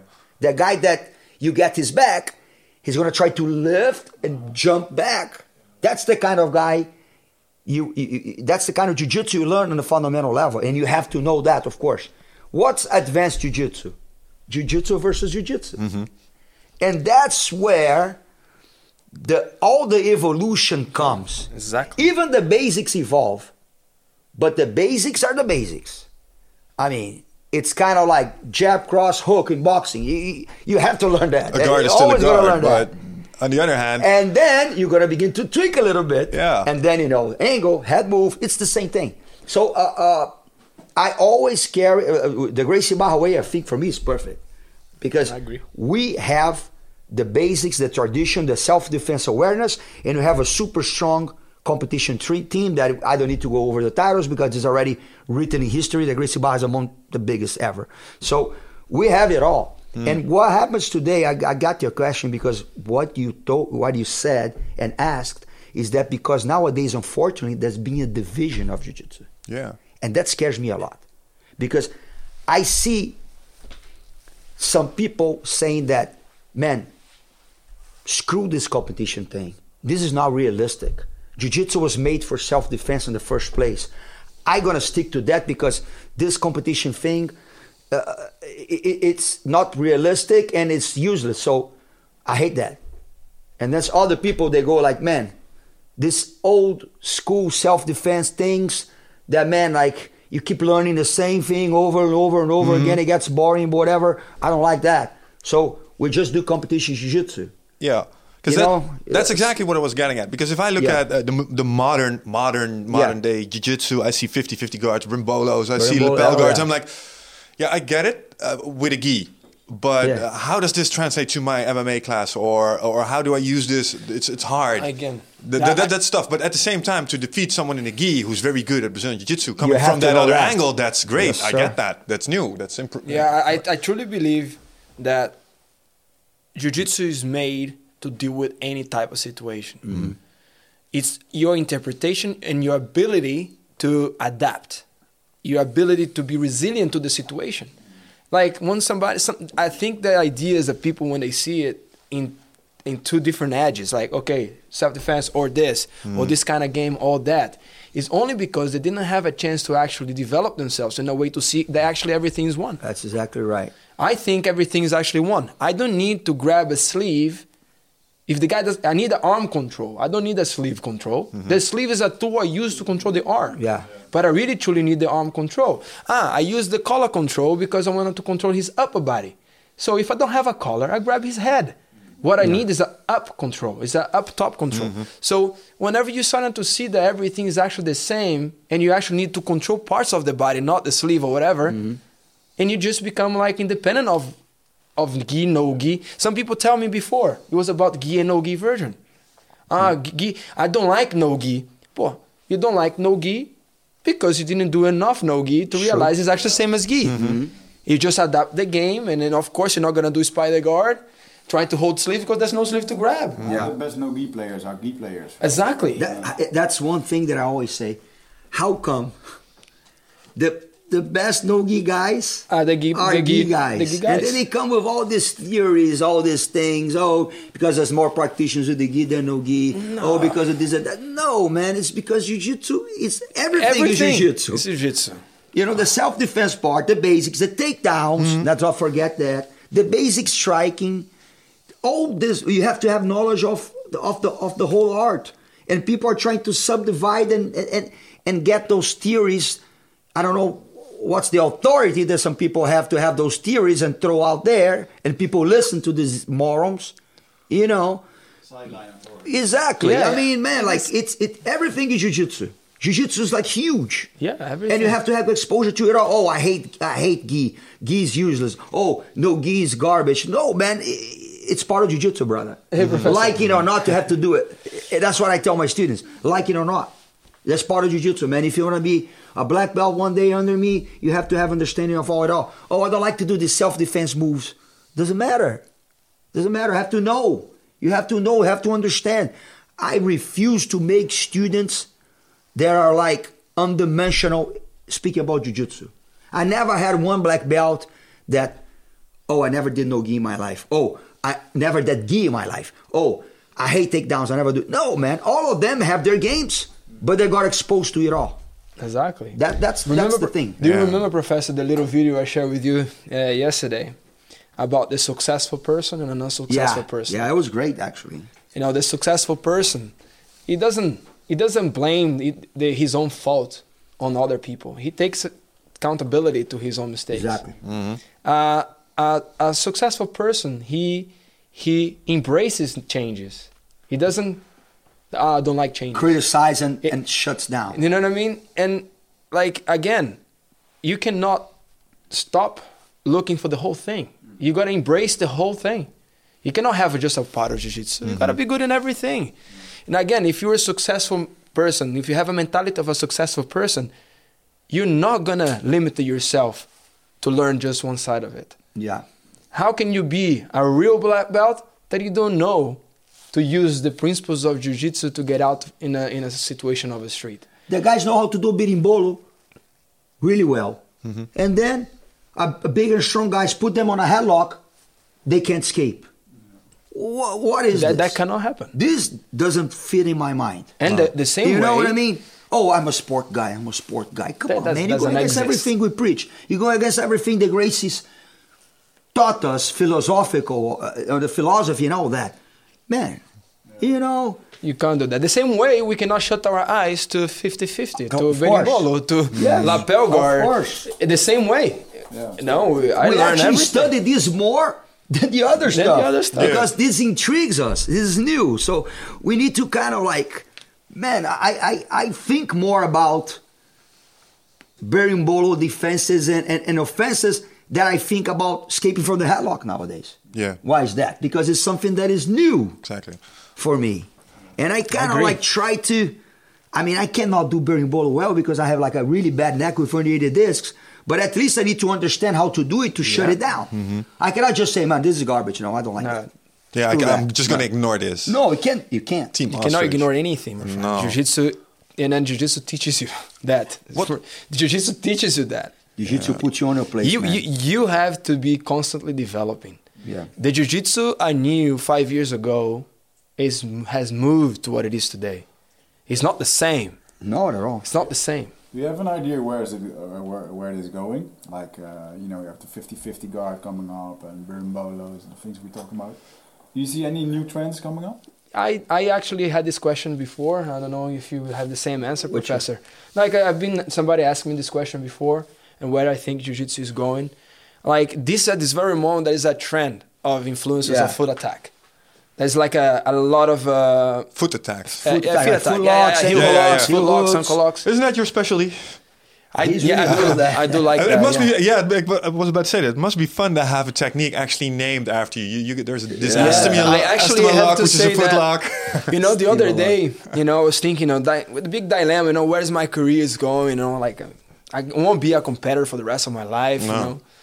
And then the other day, I just opened my Facebook account and and I saw a video of Edwin doing a, an estima lock, He's really good on that too. and then he he pulled it, and all the commentators mentioning the estima lock and this, and I looked to myself, man, people know. yeah, that's a legacy. That's and then I thought I'm not competing, but it's there. Yeah. And then I, that was a realization, and I, I, I have to feel, of course, proud of course. leaving something on the jiu-jitsu world that I, I Yeah. never thought I would ever do that. I never really value. aimed for that as well. I like when it I a lot. kind of uh, had this opportunity, I didn't even call my name either. I put my family name just to be something that to be that not in a selfish way, but you know, just Yeah. and as a statement. And then I was really, really, I feel really proud actually, because I came up, I could come up with something that was different than what I did before. And then now I see other people when I see somebody else doing it Stima, Stima. and calling it, and that's the key because if you do it something really good, and only you are good at that, Mm-hmm. it's one thing. But whenever you're good at something and you do a lot, and other people do it as well, Yeah. and then that's for me makes me feel happier because I can see that it's efficient technique, and then people will use for a more long, long time to go because it's a very efficient technique. So again, the the trend is like a, I can feel that a lot of people talking a lot more about heel hooks. Yeah.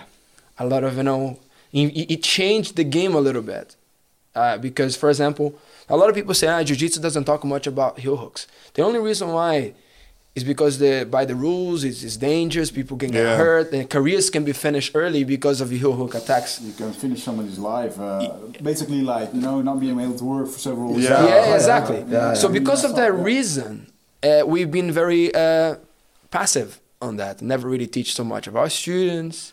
But then there are some people who became didn't care about that and became experts on that. So whenever they bring an expert in something that most people are not, it creates a a, a change. Like yeah. oh, there's a lot of people need to learn more how to defend them.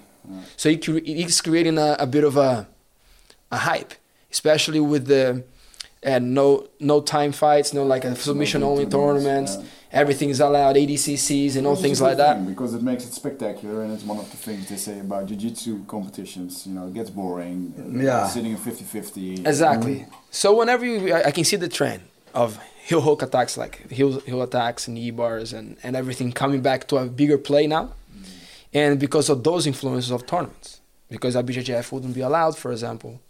So that Yeah. means it would never be ex- explored. Mm-hmm. Now it's bringing this trend. I am already studying a lot of this reactions and and especially in my opinion defenses because if somebody is only very good in doing heel hooks and if you Shut it down. shut it down what is that person Exactly. right? The whole the game jiu-jitsu again. That's that game plays uh, the mentality of an open mind jiu-jitsu person needs to be learning everything. Don't be that guy that only knows leg locks. Yeah, or the guillotine. and or- and uh, triangle. and now like just talking about that, I agree hundred percent with uh, with Victor. Uh, you see the, the the new foot lock, leg lock trend. I mean, don't get me wrong, I love them, and uh, I, I was actually like pretty decent on heel hooks. I did heel hook and uh, kind of like a flying re- re- heel hook under uh, going under in an MMA fight in Strikeforce and all that. So I like I like that game a lot, uh, but some people are trying to sell the idea. Again, people that are pretty much just left their diapers in jiu-jitsu, time-wise.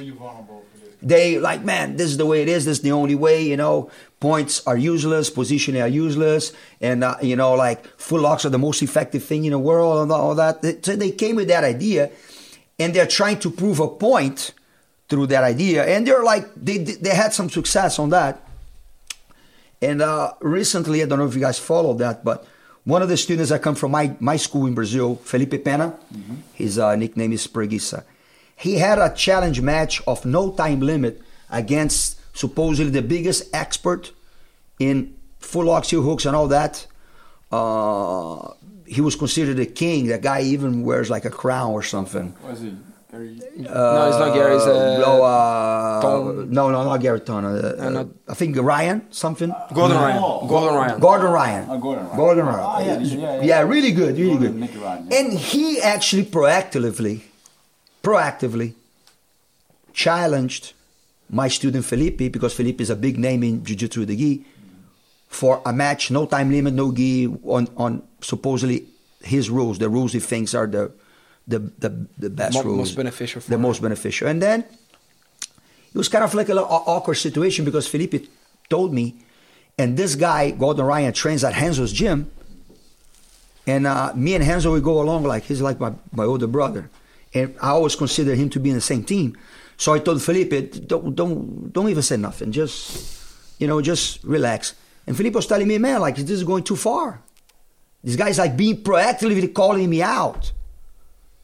And then a couple of backstage talks and all that. All right, let's do it. Let, let's see how it happens. Man, Felipe trains 95% of his time with the gi. He's a gi competitor. He took out his gi to train for this match probably four weeks. Something Actually, like. Braulio, his brother, brother. went there to help him out because Braulio has really good insights about that kind of game. And the body type of Braulio is really similar to the guy, so Braulio went there to help him. And uh, that, that, that kid, Felipe, never did that kind of rules in his life. His competition in uh, uh, experience in no gi is not even close. He only had one gi. tournament at DCC, Just right? one tournament, just the ADCC he had, and he went there and submitted the guy. And defended every heel hook. He defended every every heel hook. The guy couldn't even get close to finish, and Felipe ended up getting his back and choking him out. You know, and, and, and it was funny because before the match, I talked to him, was talking to them a lot, him and Romulo, Romulo uh, Barral, another student of mine, he's, he was his corner man. I said, man, I see this match going like this. And it's funny because it was exactly the way I described them in a, in, in a WhatsApp text. It happened. They were like, man, like you were like a psychic or something. you It's know? like you know is- and exactly, and and then that exactly what happened. So this was a proof that a big overall vision and training of jiu-jitsu can be really effective in all areas. You know? Mm-hmm. And then Felipe said, okay, man, let's do it on a gi now. I did it on your rules, let's do it in my rules. Mm-hmm. He said, no, no, no. I don't want to do it in the gi. You know, but but I mean hopefully, you know, more people gonna be like open to the idea. Don't call us old man or or you know like this kind of guys who think you know it all. No, man, I'm just just listen to experience. You know, I mean, Yeah. a little older. The only thing that comes with being old is experience. So listen to man, open your mind. Jiu-jitsu is vast. Don't close your eyes. Don't try to to to sectorize jiu-jitsu, man. It's not good for Not even anybody. vast. It's it's ever expanding. If you look Exactly. at it, Never Exactly. stops. it never stops. It never stops. And Hey. trust me, there's gonna be a lot of uh, heel hooks variations coming. And Oh, defenses. yeah. Everybody's studying that. I'm studying it right now. I just uh, got told that we uh, have a little ti uh, have little time left. We need to start wrapping up. But um, there's, I- I'm holding my finger on this paper since the beginning because we started with a question, Draculino. Uh-huh. There's a story about that behind that name, and we can't finish the podcast without knowing how you got your all want to nickname. All right. But There's a lot of theories. yeah, Don't believe all the hype. that was the one I was thinking about. Draculino must mean he bites during competition or something like that. he got DQ'd a lot and uh, no, no, no, that's not true. What the truth is that it's kind of like a very common and ordinary situation. I was, uh, I was a kid, uh, and there was this math teacher of mine. Yeah, any of those teachers that wants to be kind of the center of attention of the group and make everybody laugh. He's always like the smart ass, funny guy. Yeah. There's one one of those kind of teachers, you know. And uh, I was actually always small guy, skinny, and my eyes are a little dark underneath, if you notice. Not Yeah, yeah, anymore yeah. too much, but they were more when I was younger. And then I was talking during class, or this guy's class. So the guy stopped the class, stopped the class, and said like, "Hey, you." You know what? You look like a vampire, kid. you look like a, but you're small. So you look like a small Dracula. So your nickname is going to be Draculinho. And actually, Inho in, in, in, in Portuguese means like something small. you're like small Dracula. It's small Dracula. and then, man, everybody, all my, my classmates, ah, yeah, that sticks. they that laugh. has a stick. They laugh, and of course, I hated it. sounds really evil. I, I hated it. I really hated it. must be a fucking And man, I didn't like it for years. But you people want to make me people want to make me mad. They say they say Draculino, but uh, man, I'm nowadays I'm glad. You know, it's like Yeah. uh, it's part of who I am. Even my mom comes with Draculino now. That's cool, man. That's really cool. It's even hard to remember your first name. oh yeah. Yeah. a lot of people don't know. A lot of people don't know my first and last name. People, people know Draculino, man. It worked out. I'm I'm thankful now to this smart ass math teacher who Yeah. tried to bully me in front of everybody. Now, sucker. See what happens. And on that note, I'm here in Amsterdam and in a podcast because I'm Draculino, man. Thank you very much. We have to end with that, guys. We have to go to a seminar, so uh, we have to leave. Uh, I really appreciate you guys coming here, man. This was It's been, great. uh, it's been a real blessing. Thank you, man. It was two great. Powerhouses of sport, and uh, I really enjoy it. Uh, hope to if you guys next time, please. Uh, yeah, I have so many more questions we didn't even touch. So uh, yeah, Yeah, we can come back, man. It was great. I had a great time Me with too. the Thank you for the opportunity, everything. guys. It Great. was awesome. Thank you so much, and uh, listeners, thank you for listening. that's a wrap. next time. All right, All the best, ciao. guys.